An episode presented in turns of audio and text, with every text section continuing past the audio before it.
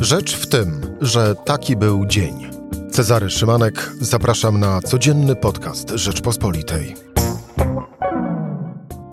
Czwartek, 3 lutego. Premier Morawiecki podpisał porozumienie w sprawie Turowa. Prezydent Duda przedstawia projekt likwidacji Izby Dyscyplinarnej Sądu Najwyższego, a licznik kar dla Polski za niewykonanie przez rząd postanowień CUE przebił dziś wartość 160 milionów euro.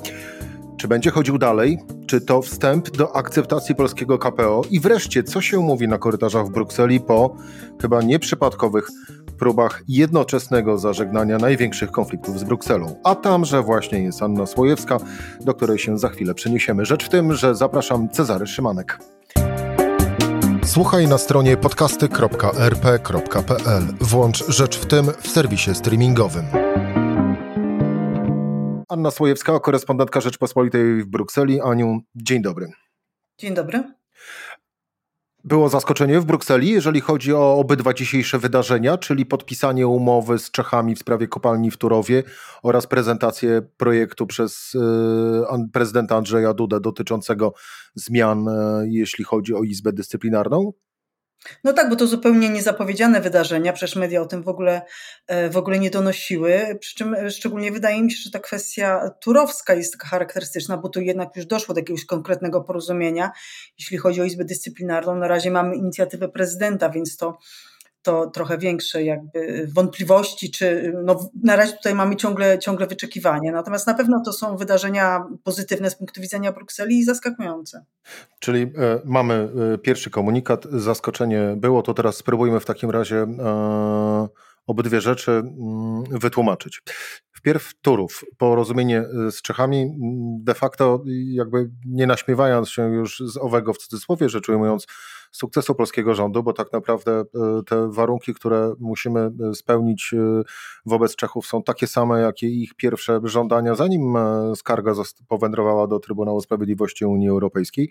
Ale tak naprawdę to, co w tej chwili jest największą kwestią, bądź też największym znakiem zapytania. Aniu, co dalej z karami za niewykonanie orzeczenia CUE w sprawie Turowa? Właśnie to trzeba trochę rozłożyć na czynniki pierwsze, żebyśmy e, zrozumieli, o czym, o czym się mówi. Są dwie odrębne sprawy, znaczy obie dotyczą Turowa, Polski, Czech, ale proceduralnie to są dwie, dwie odrębne ścieżki jakby. Jeden, jedna to jest to, czego wprost dotyczy dzisiaj porozumienie premierów Polski i Czech, mianowicie tego, że e, Czechy jakby zgadzają się jak rozumiem, w tym porozumieniu za pewne, pewne ustępstwa, za pieniądze ze strony Polski, za pewne obietnice. 25 milionów euro, budowa płaszcza wodnego oraz naziemnego pasa, który ma z kolei chronić Czechów przed negatywnymi skutkami działalności kopalni w Turowie. To tak w skrócie mówiąc. Tak jest. I Czechy zgadzają się, y, że w tej sytuacji wycofają skargę y, z Europejskiego, z Unijnego Trybunału Sprawiedliwości. To jest skarga, przypomnijmy, wniesiona nie przez Komisję Europejską, tylko przez Czechy. To się bardzo rzadko zdarza. Z reguły y, skargi, które są wnoszone, sprawy, które są rozpatrywane przez CUE w Luksemburgu, to są sprawy wynikające ze skargi Komisji Europejskiej. Komisja Europejska uznaje, że państwo członkowskie łamie prawo unijne w jakiejś dziedzinie, zaskarża, czy nie wprowadziło jakiejś dyrektywy, zaskarża to do CUE. Takich spraw są setki. E, każdy kraj ma ileś tam spraw się toczących, e, są wyroki, państwo się z reguły dostosowuje. Jak się nie dostosowuje, mogą zostać nałożone kary. Tutaj mam wyjątkową sytuację, że to między krajami doszło do sporu, co się bardzo rzadko zdarza. Państwo, nie komisja zaskarżyło i teraz to do państwa, czyli do Czech, a nie do komisji należy wycofanie tego wniosku. To ogłoszenie porozumienia to wszystko bardzo fajnie, bardzo to jest miło przyjmowane w Brukseli, ale oczywiście kluczowe jest to, kluczowy jest dzień i dokument, w którym e, Czesi zwrócą się do sądu w Luksemburgu e, z wnioskiem o zakończenie procedowania i to jest właściwie automatyczne. Sąd nie będzie wchodził w szczegóły, co tam Polska zrobiła, czego nie zrobiła. Po prostu Czechy na raz zaskarżyły, teraz Czechy już nie chcą skarżyć, sprawy nie ma, procedura upada.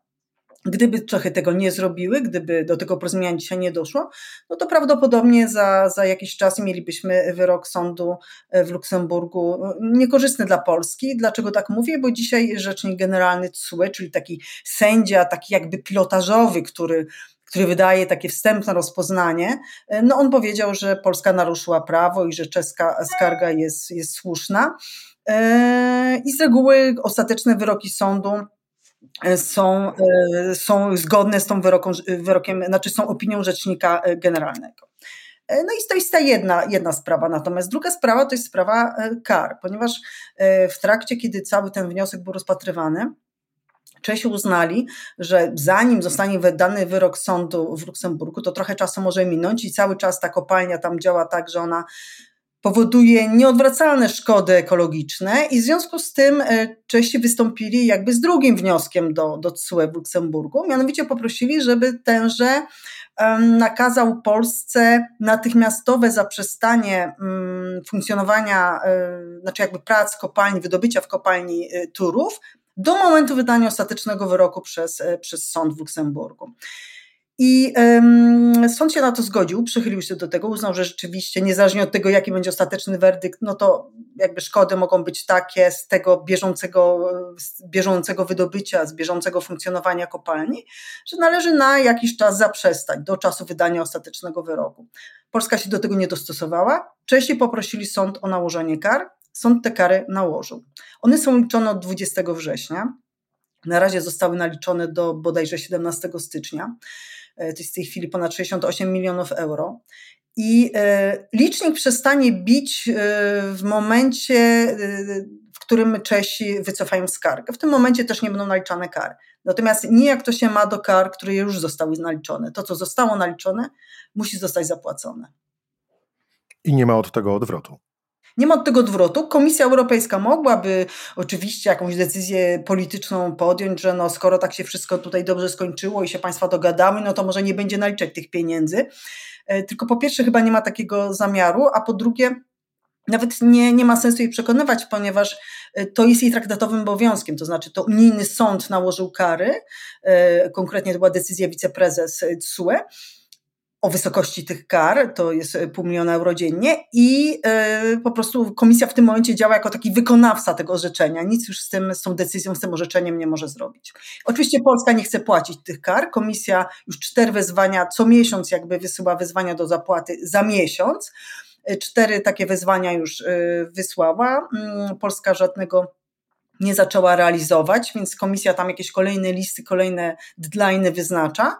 E, no i ostatecznie, jeśli Polska nie będzie tych pieniędzy przelewać, to w najbliższych tygodniach komisja zacznie ściągać je e, z tych e, przelewów planowanych dla Polski z unijnych funduszy, czy to z funduszy dla rolnictwa, czy z funduszy z polityki spójności. No właśnie, uprzedziłaś moje pytanie, pytanie dotyczące tego, ile jeszcze takich ponagleń do zapłaty musi wysłać Komisja Europejska, bądź też będzie chciała wysłać Komisja Europejska, zanim po prostu sama nie zacznie ściągać tych pieniędzy a właściwie potrącać e, z funduszy, e, które nam są e, wypłacane, czy to z funduszy dla rolnictwa, czy też, czy też innych. No ale właśnie, mamy odpowiedź, odpowiedź jasną, tak czy inaczej. Nie, jeśli, przepraszam, mogę wtrącić się taka techniczna uwaga, nie od razu komisja ściągnie te tam ponad 60 milionów euro, czy ile tam ich będzie w momencie ściągania, bo komisja, jak powiedziałam, cztery kolejne wysłała wyzwania do zapłaty, więc najpierw zacznie ściągać y, te z tego pierwszego wezwania, prawda? Bo każde, każde to wezwanie ma jakiś tam termin, potem jest jakieś upomnienie, drugie upomnienie i potem te pieniądze są ściągane. Więc najpierw będzie ściągnięte około 15 milionów euro głównej kary plus, plus jakieś odsetki z tego pierwszego wezwania. To będą pierwsze pieniądze, które zostaną potrącone z przelewów dla Polski. A potem kolejne, jeśli Polska nie będzie sama płacić, kolejne w kolejnych miesiącach z kolejnych przelewów, dopóki ta, ta kwota nie zostanie jakby zwrócona, nie zostanie pokryta. No i jeszcze weźmy pod uwagę y, termin, w którym rzeczywiście licznik przestanie bić, czyli skarga y, zostanie wycofana przez y, Czechów z Trybunału Sprawiedliwości Unii Europejskiej, bo wtedy tak naprawdę poznamy ostateczny rachunek, jeżeli chodzi o wysokość kar, tak czy inaczej ów sukces, w cudzysłowie rzecz ujmując, premiera Mateusza Morawieckiego w wymiarze finansowym wygląda tak, że mamy 45 milionów euro do zapłaty Czechom i plus około 70 milionów euro zapłaty wypłaty kar, czyli w sumie 115 milionów e, euro. Zostawiając Turów e, na boku jest drugie z kolei e, wydarzenie, bądź też zapowiedź dotycząca drugiego ważnego sporu na linii Warszawa-Bruksela, a mianowicie Izba Dyscyplinarna. Jak rozumiem, to Twoje wcześniejsze stwierdzenie o zaskoczeniu na korytarzach w Brukseli dotyczyło również owej inicjatywy ustawodawczej prezydenta Andrzeja, Andrzeja Dudy, ale czy coś więcej komentuje się w Brukseli, jeżeli chodzi o zapowiedź prezydenta Dudy? Tu bardziej odnoszę się do sposobu załatwienia, mówiąc w cudzysłowie, kwestii Izby Dyscyplinarnej, czyli jej likwidacji, ale powołania w zamian za to Izby Odpowiedzialności Zawodowej, ale też również pozostawienia tych sędziów, którzy byli w Izbie Dyscyplinarnej, e, w którejkolwiek z innych izb Sądu Najwyższego. Tutaj komisja w ogóle nie wchodzi w takie szczegóły. Przeszłości oczywiście nie, nie, nie w formie inicjatywy ustawodawczej, nie, nie z takimi szczegółami, ale były przecież zapowiedzi premiera Morawieckiego i prezesa e, Kaczyńskiego e, likwidacji Izby Dyscyplinarnej. No to komisja już jakby wielokrotnie słyszała, że, że tak Izba ma być e, zlikwidowana, ale nic się w tej sprawie nie działo. Więc komisja konsekwentnie tutaj utrzymuje, czekamy na szczegóły. Nie wiemy, nie wiemy kiedy to zostanie uchwalone i nie wiemy, nie wiemy jak to zostanie przeprowadzone, dlatego że Przecież nie chodzi o samą, znaczy chodzi oczywiście o tę Izbę Dyscyplinarną, ale chodzi w ogóle o sposób mianowania sędziów do, do, do poszczególnych izb Sądu Najwyższego, więc jeśli w jakimś nowym rozwiązaniu e, to tak samo na przykład będzie ta tak zwana neo-KRS, czyli nieuznawana e, przez organy unijne mm, Krajowa Rada Sądownictwa, ona będzie tak samo mianowała tych sędziów, no to, to moim zdaniem to nic, nic w ogóle nie zmieni sytuacji, prawda, bo te, te jakakolwiek izba to będzie, jakkolwiek ją nazwiemy, to ona będzie zdaniem e, Unii, zdaniem Komisji Europejskiej, tak samo nielegalna jak ta izba, którą podważył, którą zakwestionował ostatecznie Trybunał Sprawiedliwości UE. No więc e, tutaj po prostu trzeba poczekać na, na, na konkrety, na szczegóły tej propozycji, żeby komisja się jakoś mogła odnieść, ale trzeba pamiętać o tym, że chodzi po prostu o tych sędziów, którzy są mianowani przez, e, przez Krajową Radę Sądownictwa. To jest jakby istotą sporu. No właśnie i tam też jeszcze jest mowa, wracając do tych e, oczekiwań Komisji Europejskiej wyrażanych dosyć często przez Ursulę von der Leyen wobec e, rządu Prawa i Sprawiedliwości, czyli również postulat przywrócenia do orzekania sędziów odsuniętych, e, a o tym również w tej inicjatywie ustawodawczej prezydenta Andrzeja Dudy mowy, mowy nie ma.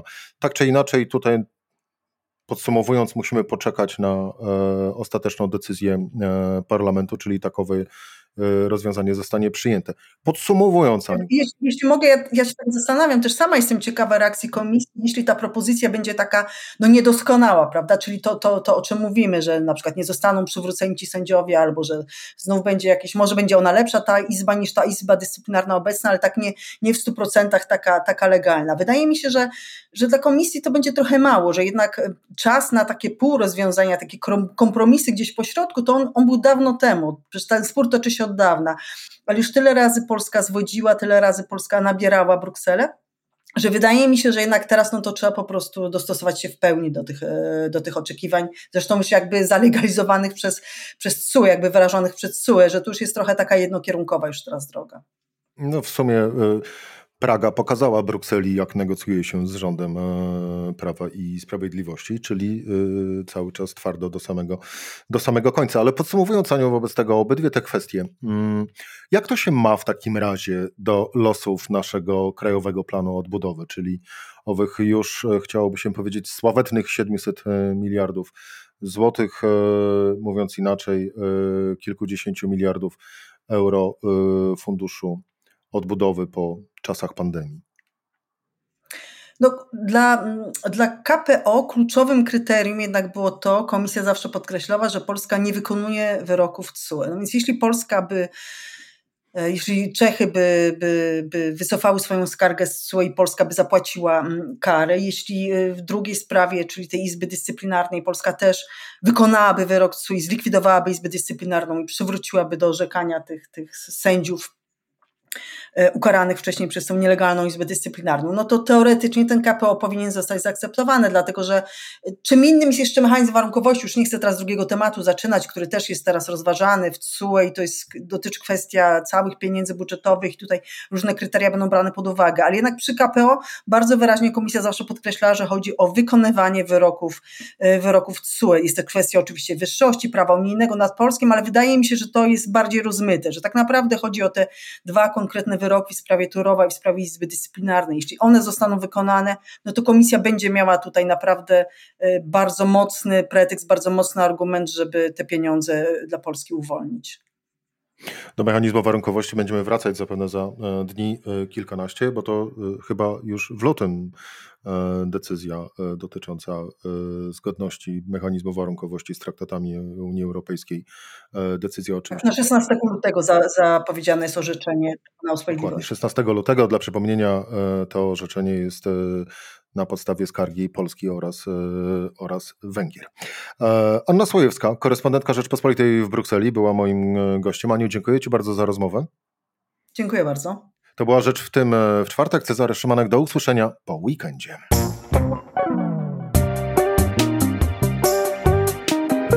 Rzecz w tym to codzienny program Rzeczpospolitej. Od poniedziałku do czwartku o godzinie 17.